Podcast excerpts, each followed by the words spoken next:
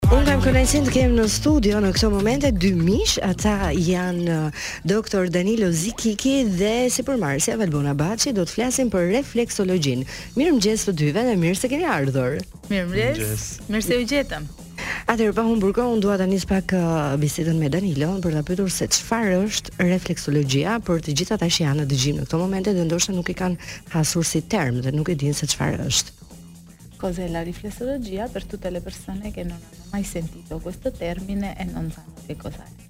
La riflessologia è una tecnica manuale uh-huh. che ci permette di lavorare sui microsistemi del nostro corpo per alleviare e in molti casi eliminare un sintomo presente. Refleksologjia është një teknikë manuale që e cila zhvillohet nëpërmjet stimulimit të zonave reflektuese që gjenden në të gjithë trupin tonë për të ulur ose për të hequr një dhimbje në momentin që ajo ekziston.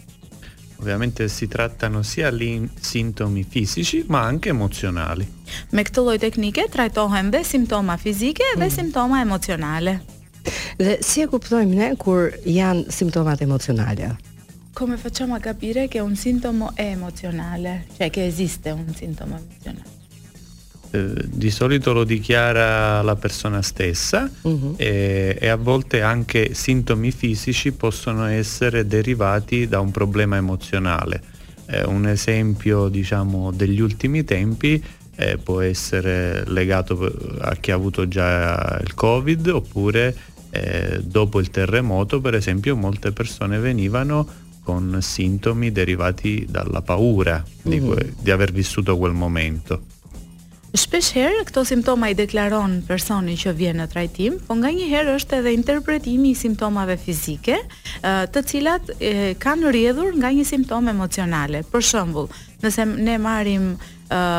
pasojat e Covidit, personat që i kanë jetuar a përjetuar me frikë ose mbas tërmetit. Mm -hmm. Shumë persona kanë përjetuar frikën si një emocion në këtë rast i keq, negativ, që është derivat i një problematike si tërmeti.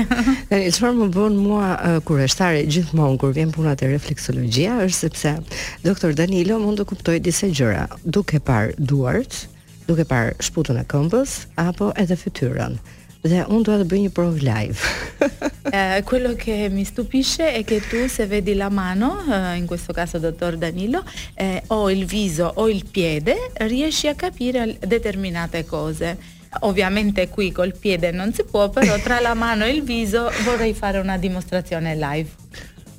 Va bene. Per Vuoi me. vedere il mio viso o il, la mia sì, mano? Sì, possiamo vedere, ovviamente diciamo quello che si sa. può dire, perché credo che ci sentano in molti, quindi diremo delle cose in generale. Eh, eh, vorrei fare una precisazione a quello sì. che hai detto. È chiaro che tutto questo va con- contestualizzato, mm-hmm. ossia quando una persona viene a fare la visita, oltre a valutare le zone riflesse, eh, si valutano tutta una serie di cose, come si esprime, il linguaggio del corpo, eh, perché spesso le persone vengono dichiarando un sintomo, in realtà ne vogliono guarire degli altri che non dichiarano. Mm -hmm. E kuptova. Mund ta bëj përkthimin po, gjithsesi Valbona. Atëherë do doja të përgjigjoja diçka në këtë moment, ë në në leximin e dorës ose të fytyrës, ne do themi ato gjëra që janë të mundshme sepse na janë duke na dëgjuar mhm. shumë mm -hmm. persona. Ë doja të thoja edhe diçka tjetër tha doktor Danilo që kur një person vjen dhe dhe shpjegon një simptomë të cilën do ta shërojë, në realitet është duke thënë ë nëpërmjet mënyrës së të shprehurit që është që kërkon të shërojë disa simptoma të tjera të cilat nuk dëshiron t'i thotë. E para dhe e dyta, sekret pra. Në njëfarë po, mënyre. Po, sepse a, em, pikërisht kjo është e bukura e refleksologjisë dhe e të kuptuarit të gjuhës së trupit, sepse shpesh herë personat në mënyrën se si ulen, si mbajnë duart, si të shohin, shprehin çfarë ata kanë brenda, kështu që një specialist nëse e di ta lexojë këtë, Gjen edhe. Po e shoh doktor Danilo. Po e bëj një test live tani se çfarë do kuptojë nga qëndrimi im. Hai già cambiato postura da quando hai detto questa cosa. E ndryshove qëndrimin menjëherë. Por uh, seriozisht, është shumë e bukur sepse të gjitha këto uh, unë do të gjoj një harta e organeve, pra të brendshme, uh, dhe prandaj bëhet edhe ky kuptimi apo leximi në një farë mënyre si një lloj skaneri. Por Seriozisht, nëse do të shihje duart e mia tani doktor Danilo, çfarë do të kuptoje, pa i prekur, se e di që mund të bëhen edhe ato metodat e prekjes. E, ovviamente dovrei sentire alcuni punti, Eh... Unë do ngrihem tani, ndërkohë Valbona më ndihmon ti me përkthimin. Ehm, ovviamente dice è, è bello eh, questa cosa. Ma Norm, normalisht uh, duke parë dorën, Asa, por edhe prekja është ajo që tregon pra domethënë okay. cila zonë është e mbingarkuar dhe uh, me cilin organ është i po. paraqitur. Okej. Okay. Të dhemb? Po, po, po, po pak. Okej. Okay. Po ja zmonton dorën njeriut. Okej. Okej. Si. Po, Akoma dhe ishte kaq, kaq e thjeshtë, ishte vetëm një moment po, kështu. Po, një test, një test i shkurtër, po. Edhe i vogël. Dhe çfarë kuptove ti tani? Nga ato që unë po thosha diku më dhimbte atëherë doktor për ta shpjeguar për dëgjuesit. Doktor Danilo më bëri një prekje te gishti i madh, poshtë gishtit të madh dhe aty mua më dhimbte më shumë. Bëri edhe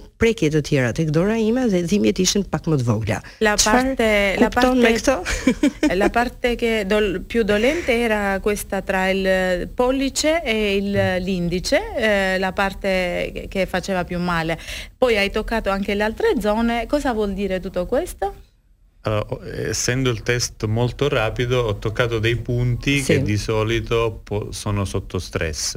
Il, il, punto che faceva più male è un punto di agopuntura che è collegato eh, ad un canale energetico legato all'intestino, eh, al al colon, a quindi all'intestino grande.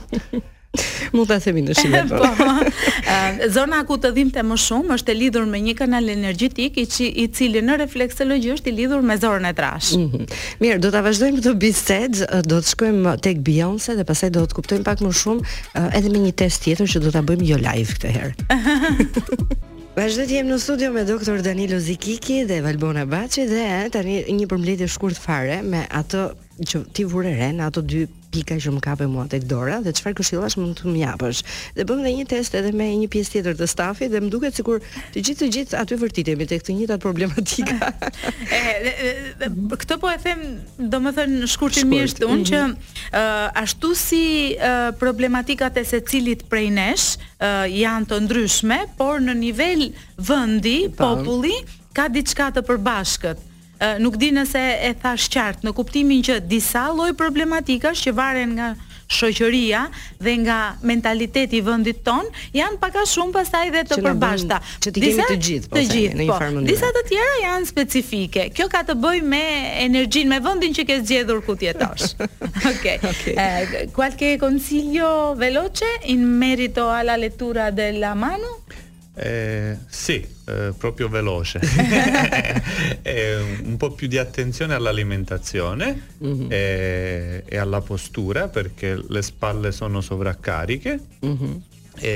pak më kujdes me ushqimin dhe me qëndrimin sepse shpatullat janë pak të mbi ngarkuara. E, e un po' di tensione a livello intestinale in quanto eh, i punti che siamo andati a toccare sono delle valvole legate all'intestino e la mano, ovviamente i, chi ci segue non l'ha potuto avvertire, Iniziava a sudare già dopo il terzo punto. Mm -hmm.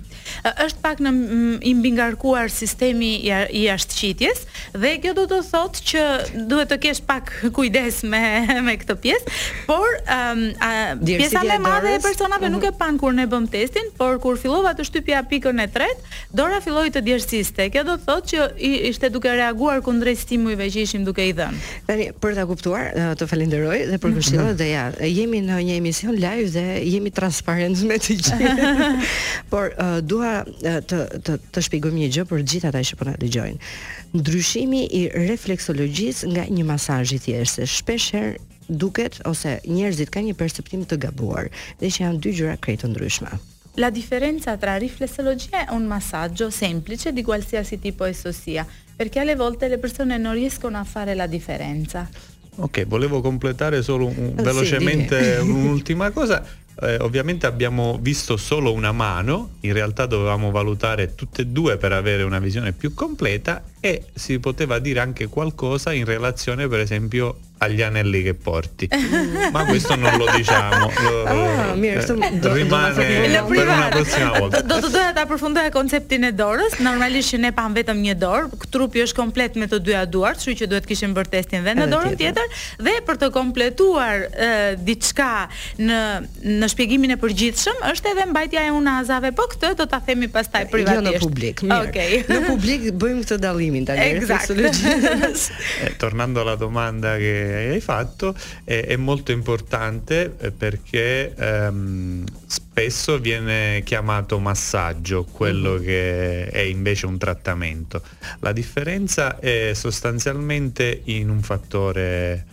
eh, soltanto, cioè il massaggio è un, mm, una pratica che viene fatta in maniera generalizzata, non è specifica mentre il trattamento mira a uh, risolvere un problema che la persona dichiara.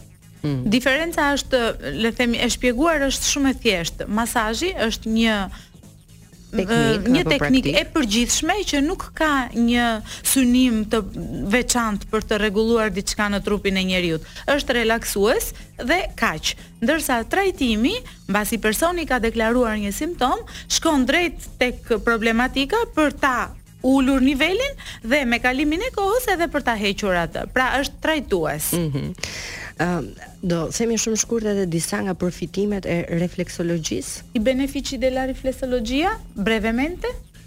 Beh, eh, la riflessologia ha diversi mm -hmm. eh, campi, come dicevamo prima, lavoriamo sia sul sull'aspetto fisico, quindi eh, togliere un dolore anche cronico o eh, diminuirlo in modo tale che la persona può muoversi meglio, può eh, sentire meno dolore anche degli organi interni, per esempio un bruciore di stomaco mm. piuttosto che una colite o un'irritazione dell'intestino, ma anche come eh, abbiamo detto prima di natura emozionale, quindi una persona eh, triste che può diventare un po' più allegra o una persona molto arrabbiata che scarica questa rabbia non sugli altri o sui familiari, ma soltanto lasciandolo andare attraverso eh, una stimolazione da, del trattamento.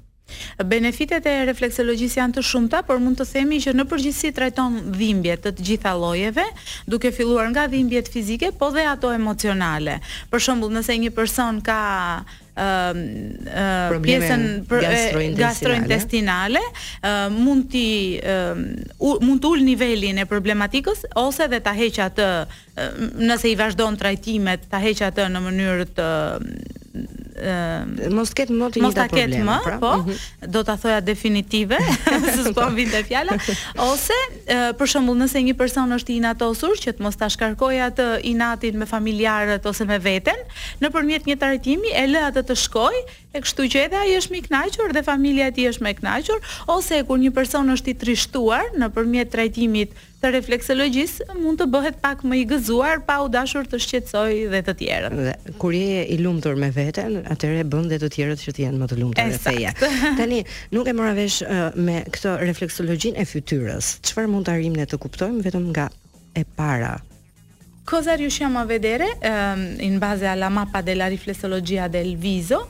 Eh, solo guardandolo il viso in questo caso?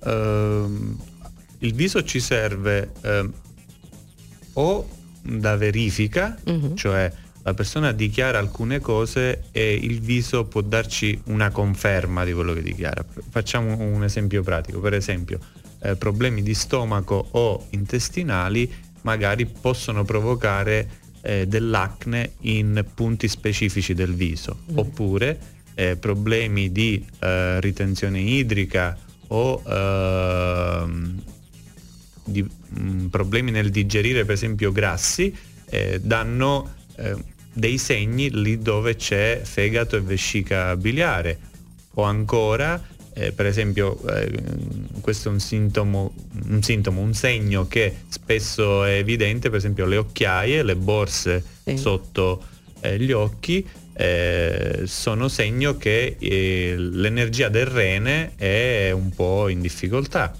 Eh, siccome il rene è il nostro diciamo, magazzino eh, dell'energia vitale, eh, probabilmente quella persona che ha sempre avuto le occhiaie oppure un periodo dove ce le ha in maniera più evidenti, probabilmente sta riposando male o è, eh, sta lavorando troppo. Insomma, ci sono dei, e delle cause stressanti che vanno a colpire proprio quel Quell'organo. Fytyra më shumë se leximi i saj është një konfirmim, mbasi personi ka dhënë disa simptoma ose mbasi terapisti ka parë nëpërmjet shputës së këmbës a, apo diçka tjetër, ë disa problematika, fytyra jep një konfirmim. Për shembull, nëse marrim një shembull praktik, nëse një person ka probleme intestinale ose me stomakun, bën me shumë mundësi ka dhe një shpërthim akne në fytyrë në zona specifike, në zona të caktuara. Të caktuara.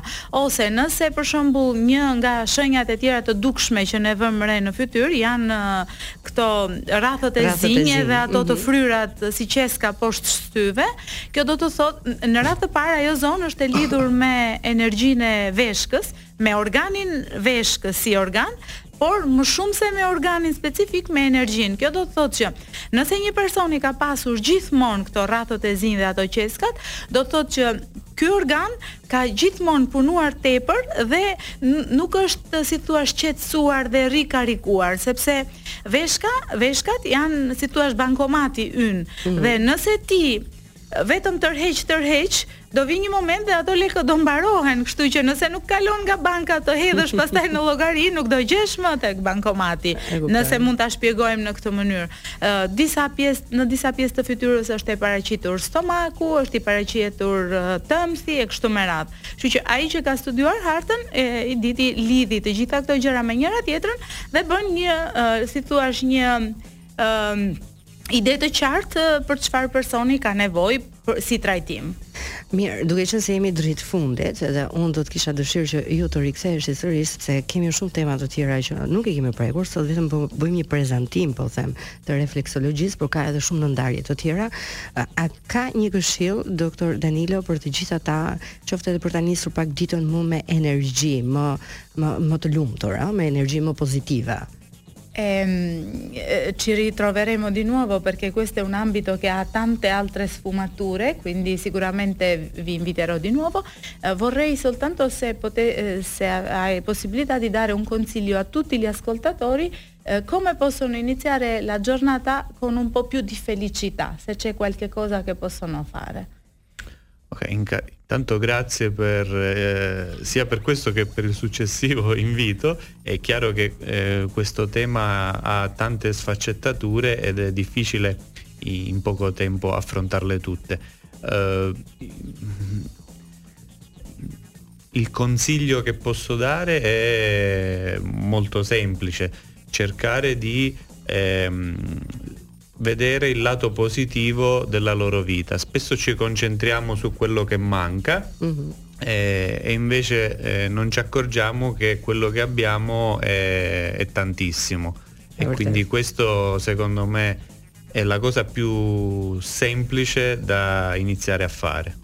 Ndërkohë faleminderit për ftesën edhe për atë që na e ribën përsëri. Mhm. Është normale dhe faleminderit për këtë qartësim që reflektologjia vërtet është një hap, ka shumë hapësira për të folur dhe nuk mund të bëhen të gjitha në një transmetim.